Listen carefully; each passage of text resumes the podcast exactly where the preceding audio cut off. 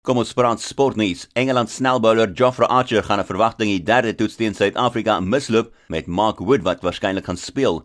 Die toeriste moes besluit tussen Archer, Wood en Chris Wokes om die beseerde James Anderson te vervang vir die wedstryd in Port Elizabeth wat vandag begin. Maar Archer het nog nie ten volle herstel van sy regter elleboogbesering nie en Wood is in lyn vir sy eerste kompeterende wedstryd sedert die Wêreldbeker eindstryd in Julie. Die vier toetsreeks staan tans gelyk op 1 elk. Die Spaanse veteraan Carlos Sainz het sy algehele voorsprong in die Dakar tydren verder gereg deur gister se 10de skof te wen.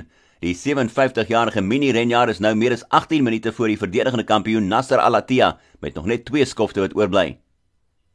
In sokkernuus, Orlando Pirates het Mamelodi Sundowns se Premier Liga titelhoop ernstig beskadig deur gisterand met 1-0 te wen, terwyl Wits teruggeveg het nadat hulle 'n doel agter was om vir Bloemfontein Celtic te klop met 3-2.